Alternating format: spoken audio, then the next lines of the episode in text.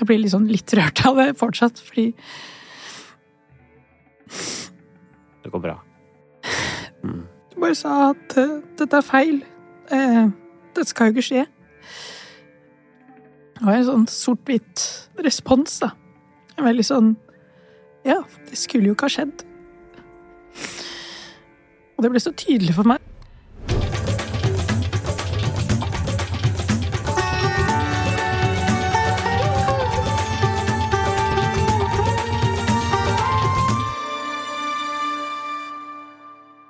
Hei, jeg heter Abid Raja. Og jeg heter Nadia Ansar. Du, Nadia.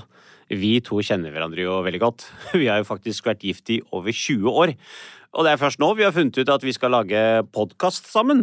Og den skal handle om følelser. Ja, og hvorfor akkurat om det? Lurer du faktisk på det, Abid? Nei, du, egentlig ikke. Jeg, jeg drev egentlig bare og tenkte på om vi skulle lage en sånn fin overgang til de som hører på. Eh, Jeg tror folk har fått med seg at vi er jo litt mer enn gjennomsnitt opptatt av å snakke om følelser. Ja, vi har jo skrevet hver vår bok om skyld og skam, og kjent på kroppen hvordan disse følelsene har påvirket oss. Og det du har fått meg til å tro på, det er jo at hvis vi snakker om disse følelsene, så blir også livskvaliteten bedre. Det har jo jeg kjent på sjøl, skrevet om i boka, og jeg kan bevitne på at det har også gjort at forholdet vårt faktisk har eh, blitt bedre. Derfor skal vi invitere forskjellige mennesker som vi er nysgjerrige på, til å komme hit og snakke åpent om følelsene sine. Målet er jo, og håpet er jo at både gjesten og vi, og kanskje også de som hører på, at vi skal sammen bli flinkere til å både gjenkjenne og håndtere både egne og andres følelser. Ja, rett og slett gjøre både Norge og verden til et mer følelsesvennlig sted. Det er litt av et eh, verdensprosjekt, altså. Ja. Skal vi bare sette i gang, eller? Ja, la oss gjøre det. Denne podkasten er laget i samarbeid med Apotek 1, som akkurat som oss er opptatt av kunnskap, erfaring og omsorg.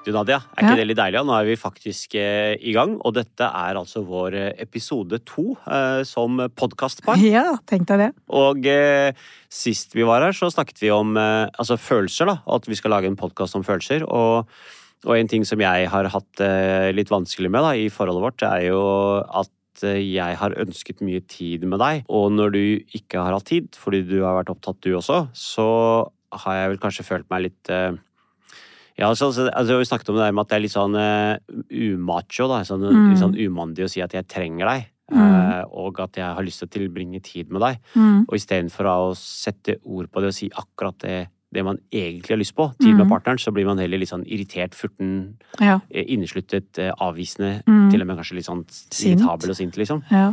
Nei, så det var litt deilig å kunne si det som det er, at jeg setter veldig stor pris på at du har tid til Mm. meg. Og hvor er det du merka det? Eh, eh, nei, altså eh, Sist vi var her, så snakka du om Netflix og chill. da. Ja. Så det var veldig gøy at da kunne jeg eh, noen par dager siden så sa jeg til deg du, vi pleide å se på en serie eh, Det er jo før alle seriene. eh, The- Wire. Det, jeg vet ikke om du husker når det kom en gang? jeg? Jeg husker at den kom i 2004, og det var faktisk mitt forslag at vi skulle se på den. Det, det kan hende. Det, men jeg, da var det jo ikke, fantes jo ikke sånne digitale plattformer. Så Ja. jeg husker jeg pleide å kjøpe de DVD-ene, så vi har jo egentlig hele The Wire på DVD. Ja. Men nå så vi den ikke på DVD, så Nei. det ble ikke Netflix heller. Det ble på HBO. Ja. Så det ble litt sånn uh, kvalitetstid med deg uh, de siste dagene. Det har jeg satt utrolig stor pris på. At vi bare sitte i sofaen Ja. og binge sesong én av Ja. The Wire, som Ja. er liksom alle serienes mor. Men det, det er handler jo egentlig ikke om den serien. Det handler Nei. om at jeg kan sitte der, holde rundt deg, vi kan spise litt uh, frukt eller ost og kjeks og nyte et glass, eller, og så kjenner jeg på den nærheten, da, at du er der. Og siden den podkasten skal handle om åpenhet, så har jeg lyst til å dele en erfaring med deg fra sist sommer. da. Mhm. For da var du veldig opptatt med å skrive en artikkel. Vi skulle ta sommerferie, Mhm. og eh, eh, så husker jeg du kom ned, så sa du jøss. Dette gresset vårt har jo aldri sett finere ut. Uh, og, og jeg var litt sånn hmm. For jeg hadde jo da vært på plantasjen, og, og hvis jeg sier 800 kilo uh, sånn gressjord, Ja. så tror folk ja, men det, han overdriver. Men det Ja. var faktisk 800 kilo, og jeg Ja. la det ut på gresset, og jeg liksom spadde det utover, spredde det rundt, og så vannet det, og la frø, og tråkket det ned. Og så fort, fått det liksom ordentlig sånn, og så hadde det regna masse, og så hadde gresset blitt grønt. Så kom du ned etter den artikkelen din var ferdig på den der hemsen du bare forsvant på og ble borte for meg helt. Jeg var der helt aleine. Så kommer du ned, så sier du en stor med kaffe. Hm, gresset vårt har blitt veldig grønt, ja. Og jeg bare mm, det har blitt grønt av seg sjøl, liksom. Så jeg fikk litt lite anerkjennelse for det, da. Så det Så det er- godt ut og tenkt litt på, da. Så det er akkurat som om eh, du har lagt inn en enorm innsats for noe som, som er fint for familien, og så blir du ikke sett og anerkjent i det i det hele tatt. Og ikke bare det, du gjør det helt alene. Ja, Det hadde vært veldig gøy hvis kona innimellom kom ut på terrassen og så sa hm, jeg ser du holder på med dette. Her får du en fersk, frisk limonade mens Ja. sola står og steiker, Åh. mens du gjør Ja. dette harde fysiske Ja. arbeidet. Og så gitt meg et kyss på kinnet og så sagt jeg går litt på hemsen og jobber, jeg, så kommer jeg tilbake. Men da var du helt borte. Men Nettopp. nå syns jeg det er deilig at vi kan ha litt Ja. Så det er liksom et eller annet med at det var ikke så mye du ba om, men du fikk ikke det. Og da følte du deg Jeg veldig fikk liksom! Du følte deg veldig alene, eller ensom i Ja. parforholdet, da. Jeg er redd for at i den podkasten her så kommer jeg til å fremstå veldig needy. Altså eh, at jeg er sånn eh, med sånn åpne armer løper etter Nadia. Bare se meg, hold rundt Ja. meg, gi meg kjærlighet. Det er også veldig menneskelige behov, da. Jeg tror alle mennesker har behov for anerkjennelse. Og at altså jeg blir oppslukt av noe som interesserer meg, så blir jeg liksom borte. Mm. Og da glemmer jeg tid og sted. Ja. Og det er ikke du så veldig fan av. For da Nei. føler du deg du er ganske oversett. Men jeg tror folk der ute tenker nok at det er jeg som er opptatt, og du har masse tid. Men så er det jo litt sånn, jeg er jo veldig opptatt, jeg også. Ja. Men så er du også ganske opptatt. Du er gått ganske god på prioriteringer, da. Ja. Du er ganske god på å alltid prioritere familien og meg øverst. Men det som er litt gøy nå, er jo at eh, det som var min medplan for å lage den podkasten, den Ja. går jo nå i oppfyllelse. For jeg får jo her der nå uke etter uke etter uke etter uke, og får kvalitetstid med deg til og fra studio, og Ja. ikke minst her i studio. Så jeg er Ja. veldig, og så er jeg glad for at som følge av det du sier, at jeg kan ta deg på ordet. Siden du sa Netflix sist gang, Ja. så blei det nå HBO The Wire, og fikk jeg Jeg, Ja. jeg syns jeg, jeg nå føler batteriene mine på nærhet og kjærlighet Ja. og tilknytning, da. At det er eh, ganske, ja, ganske godt ladet. Jeg er fulladet. Ja, for det, det kan jeg liksom merke, da. Jeg, jeg, kan, jeg kan kjenne på meg hvor godt det gjør for meg, da. Når jeg ser at du er trygg. Eh, når du slapper av og puster og sånn, så får jeg lyst til å være mer sammen med deg. For da føles det ikke som om det er så klamrende og desperat, eh, og da får ikke jeg lyst til å trekke meg tilbake. Så Der hørte du det. Desperat. Desperat needy.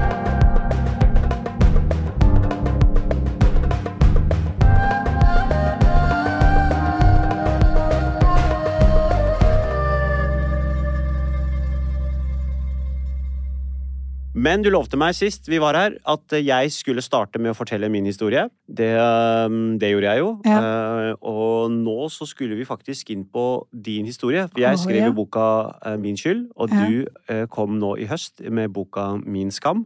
ja. Og den har jo gjort et uslettelig inntrykk på både anmeldere og lesere så langt. Um, og jeg tenkte, det er jo mange som sikkert ikke har uh, rukket å lese boka, de som hører på denne podkasten, som du kunne fortelle litt om. Ja, så Nå har du blitt litt Du er liksom gift med meg, du er psykolog, Mm. ikke sant? Så, men det er ikke alle som kjenner deg like godt som du kjenner meg. Men du kunne si litt om hvor, hvor din historie starter?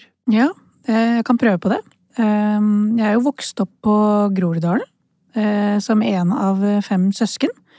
Med mor og far, da. Pappa som jobbet eh, på, eh, som vaskehjelp eh, med ekstraskift, natteskift. Mm. Og mamma som var hjemmeværende.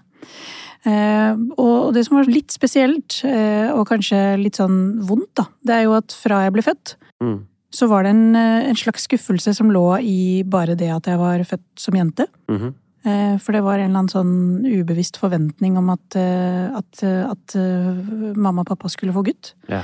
Og det henger jo sammen med en patriarkalsk kultur, da, hvor på en måte det er mannen som, og gutten som skal videreføre familien. Mm. Så det er vondt å kjenne på som barn, at man på en Er måte født med feil kjønn? Ja, født med feil kjønn. Jeg husker liksom at jeg hadde altså disse historiene som gikk fra jeg var veldig liten, om at mamma og pappa gråt bare litt. Eller mamma gråt bare litt når eh, min storesøster kom. Gråt litt mer når jeg kom, og gråt veldig mye mer når min lillesøster kom, som er Mm. to år yngre enn meg. Og så kom det enda en jente etter det, før vi fikk en sønn til slutt, da. For de siste er tvillinger. Så det er klart at det er en sånn følelse av at det um, Du er mindre verdt. Ja, at det er en sånn følelse av at jeg starter i minus, da. Mm. Og på en eller annen måte så var det sånn knytta en del forventninger til meg som fra jeg var veldig liten, om hvordan jeg skulle være. Hvor hjemmeværende og huslig på en måte Du jeg skal skulle være være- hjemmeværende. Ja. Nei, altså at, at eh, det, var, det var liksom noe med de forventningene knytta til meg som jente, jentebarn. da. At jeg skulle være snill og rydde og vaske opp og brette tøy og eh, være snill og grei mot mamma og pappa. Så det var veldig sånn trygt og beskytta innenfor husets fire vegger. Mm. Men det var også veldig begrensa. Så oppdratt til å bli litt huslig, husmoraktig. Ja, Veldig sånn trygt i hjemmet, på en måte, Mm. men samtidig veldig fengsla. ikke sant? Fordi Mm. du får liksom ikke, Det er ikke akkurat sånn at det er overvåkningskameraer som faktisk står der, men det er litt følelse av at jeg blir kontrollert, jeg blir passet på. Mm. Eh, Det er mye fokus på disiplin, og hvordan vi skal oppføre oss, eh, hvor, hvor skikkelig og ordentlig vi skal være. Ikke sånn Eh, typisk norsk barneoppdragelse hvor jenter skal ha like muligheter som gutter og slippes fri og bli selvstendige. Nei, det var liksom på en eller annen måte så var det masse forventninger knytta til meg. Knytta til hvordan jeg skulle være som jente. Men Mm. ikke så mange forventninger knytta til eh, hva slags utdanning jeg skulle ta, hva jeg skulle prestere der ute i samfunnet, hva jeg skulle oppnå av mål. Der var det ganske trist, da. Mm. Og jeg tror jeg ganske tidlig da skjønte at hvis jeg ønsker å bli noe i verden, så må jeg virkelig kjempe for det sjøl.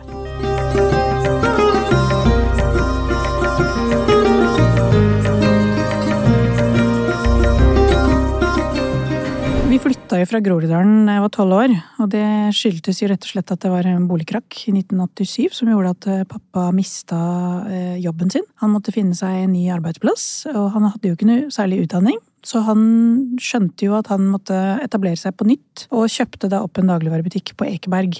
Eh, Og over den leiligheten, altså den eh, dagligvarebutikken, så var det et sted hvor vi kunne bo. Så vi flytta dit, da. Eh, Og også for oss så føltes det som andre siden av jordkloden, faktisk. Å flytte fra Groruddalen til Ekeberg i Oslo. Stovner, altså vestlig. Det er ganske stor eh, Det er en veldig stor overgang. Og, og mamma og pappa vi hadde jo da på den tiden fem søsken. Pappa i økonomisk krise. Eh, og vi måtte bruke all kapasitet i huset og familien til å få den eh, familiebedriften, da, som var den eh, dagligvarebutikken, til å uh, gå rundt. Og jeg måtte klare meg ganske sjøl, da. Så når jeg starta på Ekeberg skole, så husker jeg at uh, det var egentlig en veldig stor overgang. Uh, fordi at jeg skjønte på en måte ikke de sosiale kodene. Det var helt annet språk. Det var som å møte barn som snakket på en måte som ikke jeg fikk innpass i. På Rommen skole så var jeg på en måte kjent som et barn som var veldig flink. Altså klarte meg veldig bra på skolen. Så kom jeg plutselig på Ekeberg skole, og så ble jeg sett på som et problembarn eller et vanskelig barn som, som kanskje trenger spesialundervisning. Karakterene dalte. jeg, Jeg sleit med venner, så jeg var ofte alene i friminuttene. Og mamma og pappa hadde ikke tid. Så det som skjedde med meg da, var jo at jeg ble jo veldig isolert. Eh, Jeg ble ganske deprimert. Um, og så utviklet jeg en spiseforstyrrelse, som var veldig sånn både det med at jeg overspiste, og så startet jeg å kaste opp, da. Og så var det liksom skammen over å på en måte føle seg som annerledes, som kanskje var det vondeste for meg. Fra å liksom passe inn i Groruddalen i en gjeng hvor alle på en måte ser så like ut, til å bli veldig sånn selvbevisst om at å herregud, jeg lukter hvitløk. Jeg stinker. Jeg kler meg rart. Hvorfor går jeg med sånn kubusskjorte som er i silke? ting du ikke tenkte over når du var på, på, på Vestli. Så jeg ble jo hengende ofte alene i friminuttene, eller hjemme på dass og unngå å bli sett, da. For jeg ville jo ikke bli sett når jeg var alene og um, ikke mestra um, eh, livet, da. Mm. Så, så det ble jo veldig trist og ensomt. Mm. Det vondeste var jo at jeg på en måte i en periode eh, forsøkte å ta livet mitt, da. Altså bare gjøre det slutt. Eh, Så jeg tok alle piller jeg fant i skapet til mamma, og tok en overdose. en cocktail. Kan jeg le nå? Det er jo ikke så veldig morsomt, egentlig. Men, eh, men så, så, så skrev jeg et selvmordsbrev og gjorde det slutt med familien, og så gikk jo ikke det helt sånn, da. Um, Heldigvis. Ja, kan man si. For du skriver i boka om det brevet, da. At eh, når du våkna, så, så etter de pillene, så, så hadde ingen skjønt at du lå på loftet Ja. Og hadde vært borte et halvt døgn med Ja, ja, de pillene. Så Mamma var opptatt med hus- og matlaging som vanlig, og det var fullt liv, og det er jo og, ni familiemedlemmer i familien, ikke sant, sånn at det er ikke så mye tid. så den brevet, det spylte du ned i dass. Den bare spylte jeg ned i Og lata som ingenting og gikk videre. Så gikk jeg videre.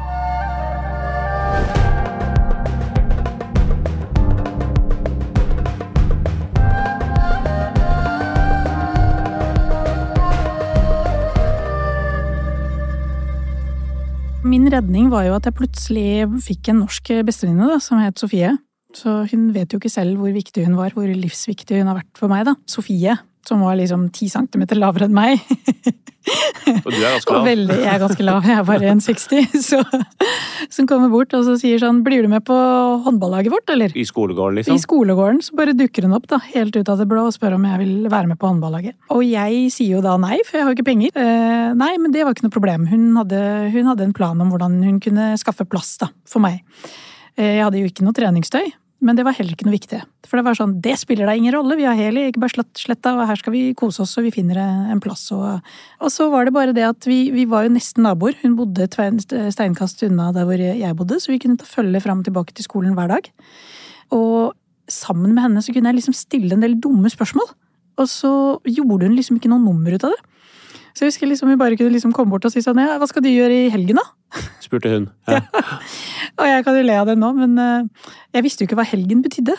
Så jeg trodde jo at helgen hadde noe med, noe med Gud å eh, gjøre. Så jeg spurte nei, jeg er ikke religiøs, jeg, så jeg gjør ikke noe Med helgen. Ja.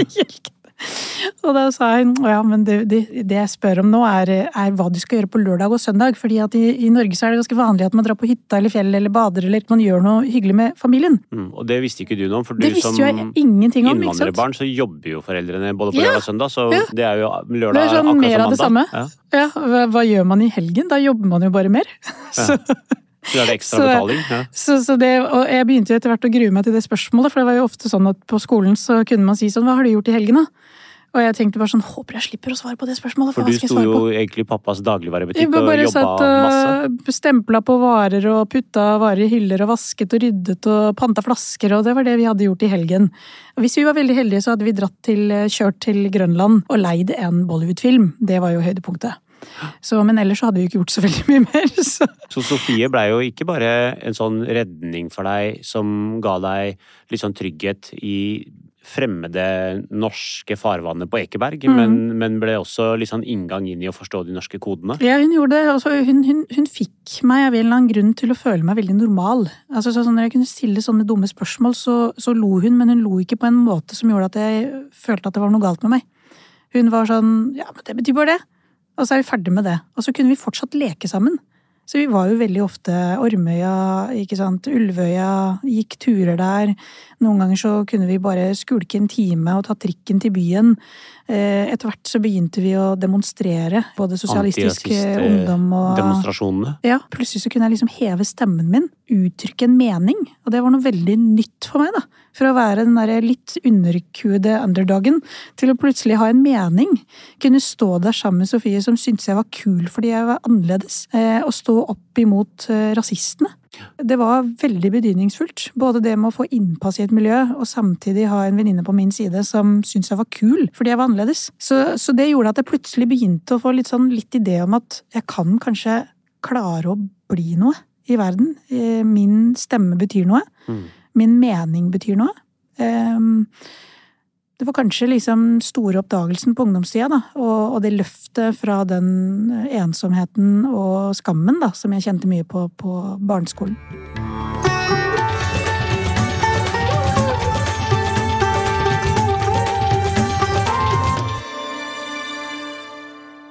Det er utrolig tøft å høre om eh, hele den oppveksthistorien fra Vestli til Ekeberg og, og reisen, men også veldig deilig da, med, med Sofie som kommer som redningen, Mm. som, som geleider og veileder deg. Mm. Men jeg tenkte at vi også skulle snakke litt om eh, det aller vanskeligste som du har skrevet i boka. Mm. Det aller vondeste som du har gått igjennom som barn. Mm. Familien din hadde da en veldig betrodd familievenn, og, eh, han gjorde ting som, eh, som ingen barn eh, skal eh, være utsatt for. Ja, det, det er definitivt det som har um, kostet meg mest, da. Eh, å være åpen om, om denne familievennen, da. Som, som var familiens betrodde, og som på en måte vi stolte veldig på. Så for å bare gi litt sånn ramme og kontekst til det hele, så, så handler det om at når man flytter, da, sånn som foreldrene våre flytter til Norge fra eh, Pakistan på 70-tallet, så er de vant til et kollektivistisk system eh, hvor familien stiller opp. Og så kommer de til Norge, eh, og så har de ikke den samme familien. Så da blir det på en måte familievenner, da, andre med pakistansk bakgrunn som også flytter da, til Norge på samme tid, som erstatter på en måte den storfamilien og slekta slik den hadde fungert i Pakistan. Tryggheten og strukturen Ja. og mm. Vi hadde et stort miljø på den tiden, og veldig mange familier som på en måte inngikk som en del av slekta, deriblant denne familievennen, da. eh, Som, som ofte stilte opp eh, hjemme hos oss når pappa måtte jobbe overtid eller kveldsvakt. Eh, Kjørte og henta meg fra ulike aktiviteter og passa på meg og mine søsken hjemme når, eh, Når mamma og pappa var borte. Mm. Så var det en gang da jeg var seks år, at han inviterte meg inn på eh, mamma og pappas eh, soverom. Eh, og, og, og utsatte meg for et eh, Eller forgrep seg på meg seksuelt, da. Eh, han voldtok meg ikke, men han overskred mine grenser, da, seksuelt. Og, og nettopp fordi det ikke var et, en voldtekt, da, og jeg var bare seks år, så var det veldig sånn vanskelig for meg som barn å forstå egentlig hva som skjedde. Eh, også fordi at det, det hele varte bare noen minutter. Eh, og han var veldig tydelig etter at det skjedde, eh, om å fortelle meg om at jeg måtte være stille og ikke fortelle noen om det. Det er så vanskelig å beskrive, men altså, selv om man er seks år, så vet man at sånne ting skal ikke en, en fremmed gjøre med en seksåring, eller et barn. Eh, Noen i det hele tatt. Ingen, ikke sant. det så, så, så det Mm. vet man ubevisst. Og når han da sier at dette er noe du ikke må fortelle mamma og pappa om, så var det akkurat som om jeg, jeg nølte ikke et sekund med å si dette skal jeg ikke fortelle noen om. Mm. Og det kan jo være mange måter å forstå det på, men, men det viktigste kanskje er at jeg allerede som seksåring har gjort meg en, en del erfaringer da, hva, hva mamma og pappa tåler å høre om, og hva de ikke tåler å høre om. Sånn, sånn vet jeg også som fagperson at vi gjør. da. Som barn så har vi en del erfaringer av at vi må på en måte passe på å beskytte mamma og pappa fra vonde følelser hvis vi har erfart at mamma og pappa ikke tåler det helt. da. Så jeg antar at jeg hadde noen sånne erfaringer da, fra mine foreldre som gjorde at jeg på en måte valgte å ikke fortelle om det som hadde skjedd. Ville beskytte foreldrene. Jeg ville på en eller annen måte beskytte de fra det. Dette var pappas mest betrodde familievenn. Jeg ville ikke såre eller skuffe han. Og så tror jeg at jeg på et eller annet plan har jo også fortrengt det. Jeg har jo holdt det skjult. Jeg har ikke snakket med noen om det i veldig, veldig mange år. Så, så er det akkurat som om jeg har jo visst det hele tiden eh, på innsiden, og så har jeg forsøkt å dysse det ned og bagatellisert det og sagt at det var jo ikke så stort. Det var jo ikke et ordentlig, dette er jo ikke et overgrep. Dette var jo ikke en voldtekt. Dette var bare en bagatell. Du overdriver sikkert. Selv om du vet som voksen at det ikke var en bagatell. Nå vet jeg det, ikke sant? Ja, men, som barn, og så ungdom så har du tenkt at prøvde jeg å fortrenge det. fortrenge det så godt jeg kunne, da. Så, så det var jo Jeg fortalte jo ikke til dette, øh, om dette til noen. Eh, Det ble holdt eh, veldig hemmelig, eh, og jeg glemte det nesten sjøl. Men jeg tenker jo at det på en eller annen måte også er en viktig forklaring for det som ble så vanskelig for meg i den overgangen når jeg flytta. Når det ble for mye for meg, så var det et eller annet med at det ble en, en, et knekk på selvfølelsen totalt sett. Eh, en eller annen sånn følelse av at det er noe galt med meg. Det må ha vært noe galt med meg som gjorde at han gjorde dette med meg. Eh, det var jo også to-tre andre hendelser som er mindre i størrelse, men hvor han forsøkte på en måte å friste meg med å se på filmer som jeg vet at barn ikke skal se på, og sånne ting. Så det var liksom totalen av det som gjorde at jeg på en eller annen måte fikk en indre forklaring, da. eh, Som handlet om at det må jo være noe som ikke Det må jo være meg som er Det gikk over fra å være din skyld og din skam. Ja, det ble, det ble min skam, da.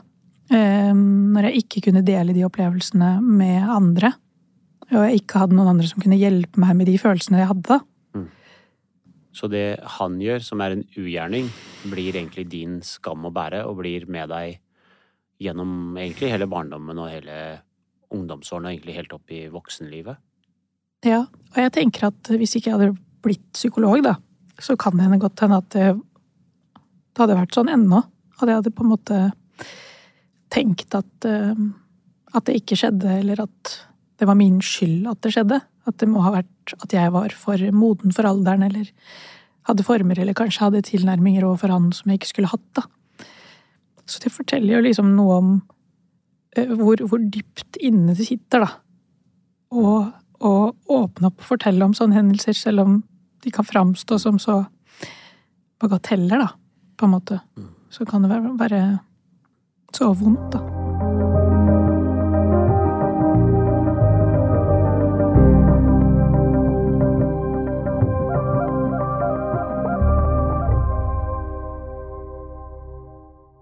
så er det jo ganske sånn dyster statistikk da, på kvinner som jenter, kvinner som har opplevd uh, ulike grader av seksuelle overgrep. Altså, ja. sånn, tallene er veldig høye. Ja. Um, du er jo modig som gir det et ansikt. Hva, Mm. hva tenker du overfor de mange andre kvinner som også har opplevd lignende episoder, og som også kanskje også har skammet seg eller skammer seg? Så mye kompetanse, så mye terapi, da, som jeg har gått igjennom før jeg kan heve stemmen og si noe om det. Så forteller de jo om hvor utrolig vanskelig det er, ikke sant? Å være åpen og snakke ut om det. Og det er sånn som du sier, at kanskje hver fjerde kvinne har med seg en eller annen sånn opplevelse, erfaring av et overgrep. Ja, Også menn faktisk blir utsatt for mye overgrep. Og det tar i snitt 17 år å fortelle om et overgrep. Og jo yngre man er, jo lengre tid tar det da, eh, å åpne seg. Og det tok ca. så lang tid for meg også å åpne meg. Jeg håper jo at ved å fortelle, altså bruke min stemme og gi disse opplevelsene et ansikt, da, så håper jeg jo både at å gi andre kvinner som menn mot for å kunne stå fram, men også å kunne få håp da, om at det er mulig å komme seg gjennom det, og at det er verdt det. Eh, å åpne opp og oppsøke hjelp, da, og snakke om det.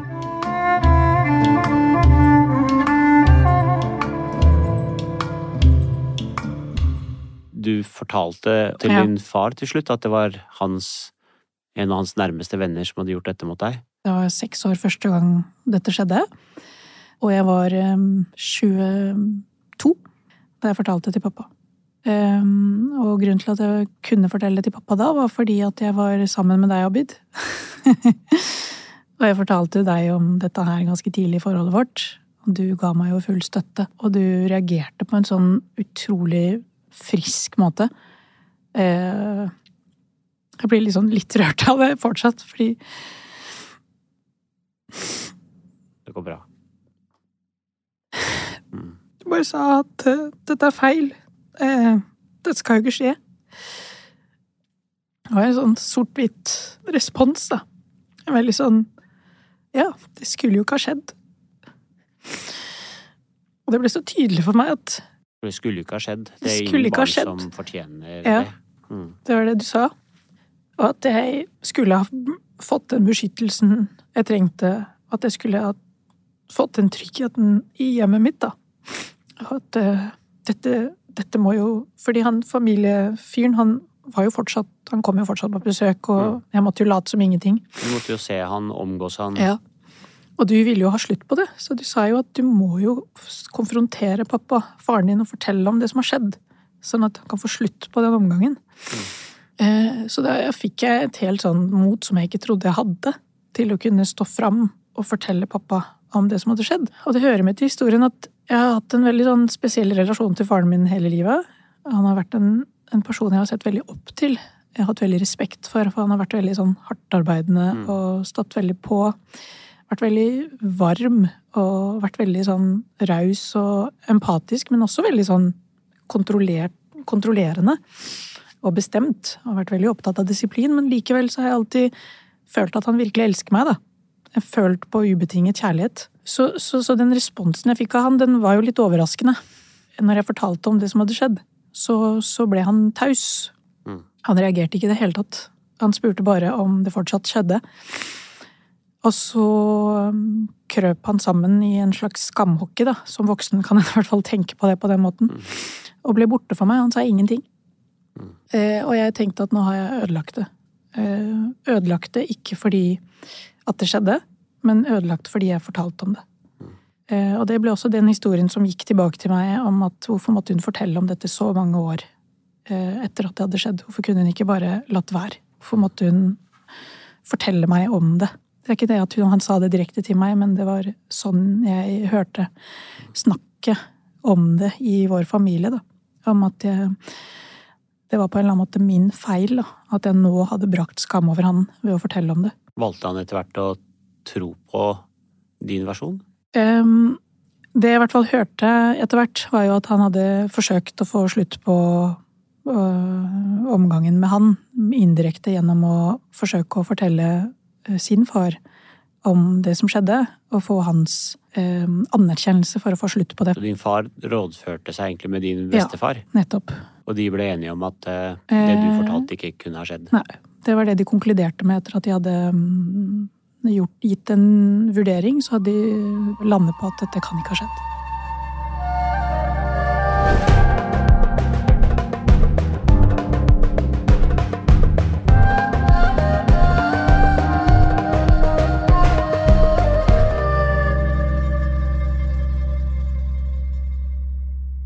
En av de eh, utrolig sterke delene i boka er jo hvor du eh, tilgir din far Ja. for å ikke ha stilt opp for deg, ja. uten at han egentlig har bedt om tilgivelse sjøl. Ja, um, og dette er jo kanskje noe av det som har krevd lengst tid. Jeg har jo gått rundt og fortalt alle om hvor fantastisk fin oppvekst jeg har hatt, hvor fine foreldrene mine har vært. Og det er jo ikke det at det er feil, for det er veldig mye bra For det er har. også riktig. For det, på mange måter så har de gitt meg veldig mye av den omsorgen som eksempel du ikke har fått av dine foreldre, ikke sant? Det kan liksom ikke helt sammenlignes, men likevel så har de bidratt til at ja, de har begge, både mamma og pappa, med hånda på hjertet kan jeg si at de har gitt meg ubetinget kjærlighet. Og forsøkt å beskytte meg så godt de kan, og forsøkt å gi meg den friheten og den best mulige oppdragelsen de kunne gi. Så, så det var også sant. Men så var det noe annet som jeg fortrengte. For jeg var så redd for hva folk ville tenke om mine foreldre. Så, så når det kom fram, så ble det veldig stort. Så var det en god periode hvor jeg var utrolig sint på mine foreldre.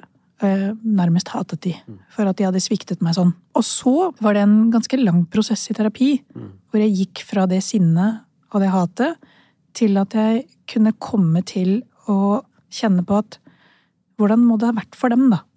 Å ta deres perspektiv og forsøke å forstå de som på måte på mange måter har stilt opp for meg og gitt meg så mye. Og så har de også en erkjennelse av hvor dypt de må ha sviktet meg ved å la noe sånt skje i hjemmet, og ikke klart å beskytte meg. Så de har ikke det samme språket som meg, de har ikke den samme kompetansen som meg til å kunne si det til meg med ord. Men gjennom handlinger så forsøker de å vise det til meg hele tiden. Hvis jeg vil se, så vet jeg at det fins. Alle deres knotete forsøk på å si 'unnskyld, Nadia, for at vi svikta deg', de ligger der. Så spørsmålet er om vil jeg se det, og ville ta det imot? Og hvis jeg gjør det, kan det hende at jeg får en eller annen indre fred da, med, at det som skjedde, skjedde, og gå videre med det. Det var en lang prosess. På et tidspunkt så setter du deg ned, og så skriver du rett og slett et unnskyldningsbrev Mm, til deg selv. Som du, du, du skriver det fra din far Mm. til deg selv. mm, Hva, hva skriver du da? mm. Hva, hva slags ord er det du gir til deg Mm. sjøl som faren din ikke ga? Det var jo den unnskyldningen jeg hadde trengt da, å få av de. Som jeg på en eller annen måte forsøker å gi til meg selv. da. Hva gjør du da? Nei, jeg skriver, setter meg ned, og så forsøker jeg å tolke de signalene som pappa og mamma for så vidt forsøker å gi meg nonverbalt gjennom handlinger. eh, Og gi det et språk. Så jeg forsøker å skrive det ned som om de ga meg denne unnskyldningen, da. Så du skriver rett og slett eh, Kjære Nadia. Eh, kjære, jeg, er så, jeg er så lei meg for at jeg ikke klarte å beskytte deg eh, når disse overgrepene, eller dette overgrepet skjedde da du var så liten. Eh, jeg så hvor redd du var. Jeg så hvor inneslutta og stille du ble.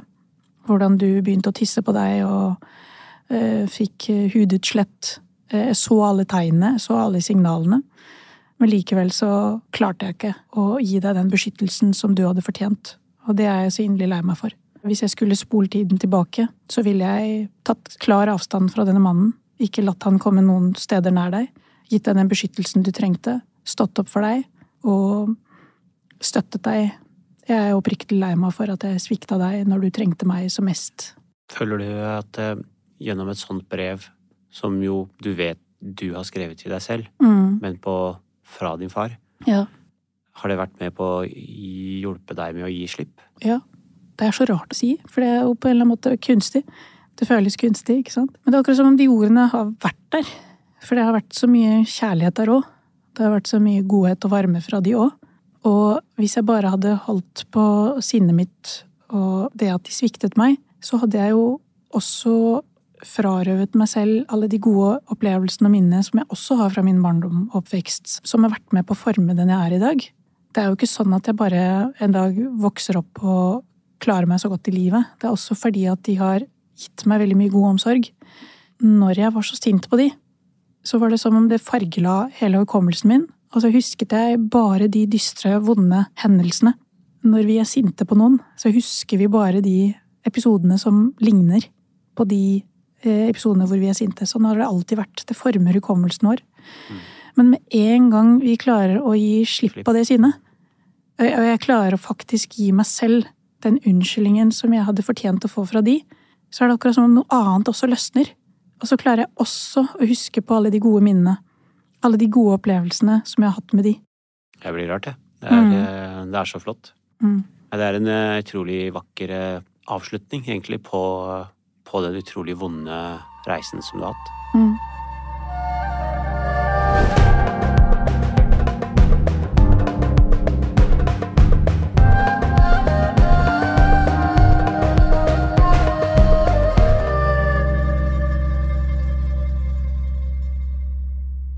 Når du har med deg alt dette, altså både det fine og flotte som du har opplevd, men også det utrolige urettferdige og vonde og vanskelige, alle disse opplevelsene i bagasjen, hva, hva gjør det med deg og følelsene dine i voksenlivet? Litt sånn som du snakket om sist episode, ikke sant? Om at det er noe med det å bli forlatt som barn. At det gjør at du lettere kan liksom kjenne på frykten for å bli forlatt som voksen. Mm. Så, sånn har jeg på en måte også med meg noen skader og noen sår, da.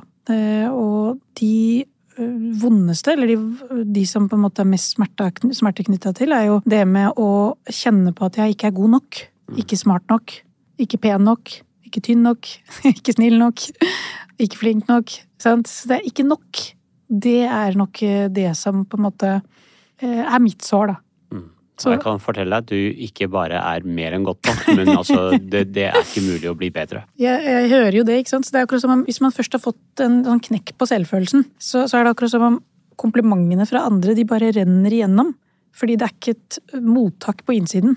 På en måte egen selvfølelse som på en måte ikke er holder helt, da. Mm. Eh, som gjør at jeg kan bli veldig Mm. sånn var for kritikk, og det vet jo du alt om. det kan bare være her i podkasten, når jeg skal liksom bare snakke helt åpent og fritt. Så kan jeg likevel sitte og kjenne veldig på hvordan er det jeg framstår nå, hvor smart virker jeg, hvor klok er jeg, eh, hvordan er det andre vil dømme meg, hvordan vil andre se på meg. Altså redd for å bli avslørt som ikke god nok, da. Og alle mennesker har jo en eller annen sånn stemme. Så det er ikke sånn at jeg er den eneste i verden som har det. Det er bare at den, den blir så altoppslukende. Mm. Den tar så mye plass. Jeg, jeg, jeg skjønner hva du mener når du sier at du tar mye som kritikk, da.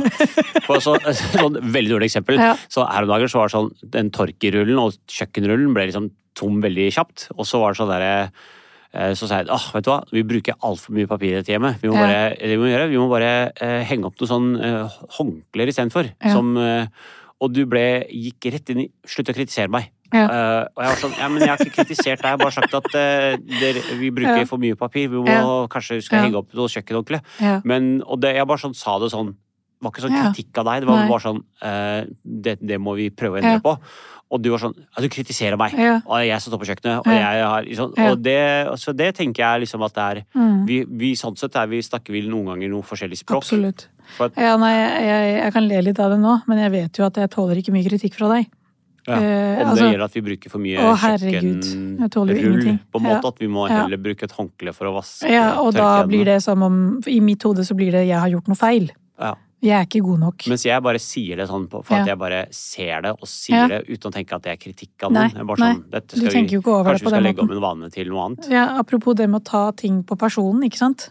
Alt i mitt hode tolkes som om det er noe galt med meg. Sant? Så det de gjør jo at jeg blir veldig Jeg blir nesten litt sånn kvalm av meg sjøl, fordi jeg blir jo veldig selvfokusert. Og tror at alt handler om meg. Du kommer med en generell kommentar. I hodet mitt så blir det tolket det som jeg ikke er god nok. Ja, men jeg vet det, er mot, det går motsatt òg, for ofte så har du en eller annen ting som du har lyst til å lufte, Ja, bare for å få at jeg skal si 'jeg forstår deg'. ja, Mens jeg går jo rett i det derre 'jeg skal finne en løsning for deg'. ja Så hvis du har et eller annet problem, så sier Ja. jeg bare sånn 'ja, men det vi kan gjøre er' Og så kommer jeg med tre forslag på løsninger. Og du er sånn 'jeg, vet du hva, jeg har ikke eh, Jeg tror ikke jeg trenger de løsningene. Jeg skal bare at du skal si 'jeg forstår deg'. Eh, og jeg er sånn Ja. men, ja, men, ja, men jeg skjønner deg jo, men jeg må jo prøve å løse problemet ditt òg. Ja. Så nå er du inne på noe annet viktig, da, som Så du mer går om rundt og er liksom superfølelse av at jeg, han kritiserer meg hele tida, og, eh, og han driver og finner alle løsningene. Og jeg går ut og tenker sånn Ja, men jeg har jo alle løsningene, kan du ikke bare ta løsningene? Og jeg sier bare ting, jeg prøver ikke å kritisere henne. ja. Så ja. Ja, så det er den dansen vi kan havne i, da. Men, men det du er inne på som er viktig her, det er jo dette med hva er det jeg trenger, da? Hva er det mennesker som meg trenger? Samt som du trenger jo mye, du har behov for trygghet, ikke sant? Du har behov for en eller annen sånn bekreftelse på at jeg er der. At jeg går ingen steder, og at det er oss to, og at jeg Mm. eh, virkelig elsker deg og, og, og har ikke tenkt å gå noen steder. Og du trenger Og jeg trenger jo mye eh, validering. Jeg trenger, trenger veldig mye anerkjennelse. Jeg trenger at du kan fortelle meg at det er ikke rart at du føler på sånn og sånn. Fordi at det, det er kanskje det som er den viktigste motgiften mot skam, da. Det er en følelse av å bekrefte bare at Nei, det er altså, ikke rart at, at du har de følelsene du Ja, har. at, at jeg skjønner at jeg ikke er alene om å føle som jeg gjør. Mm. Det bidrar til å redusere skammen. For hvis det er flere som har det som meg, så er det ikke noe galt med meg lenger. Du, det der skal jeg øve på til eh, neste gang, men eh, denne episoden går mot slutten, og jeg tenker at neste gang så skal vi skal jo vi to møtes. Men nå skal du først validere meg. Ja, men jeg, var- jeg, jeg, har- jeg, forstår deg veldig godt. Nei, starten. Jeg forstår jeg skjø- skjønner jeg, godt jeg skjønner godt hva du sier, jeg. Ja, eller så forstår. jeg forstår godt hva du sier. Ja. Men så går allikevel denne episoden mot slutten. Ikke noe men. Ok, jeg forstår men, deg så veldig godt. ødelegger du hele valideringen. Jeg forstår deg veldig godt.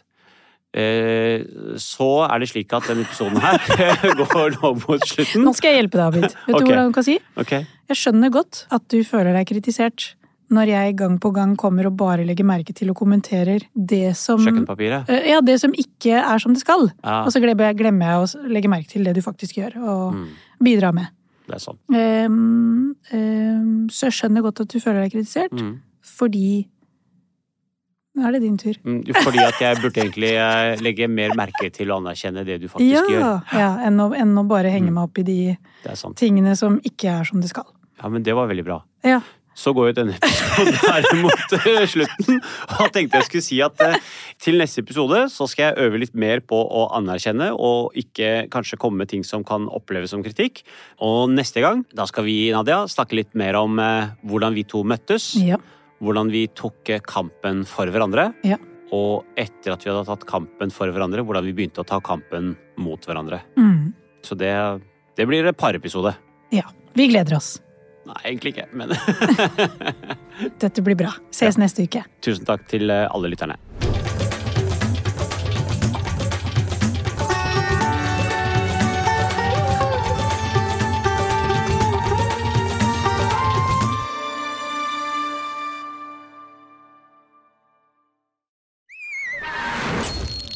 Plan B.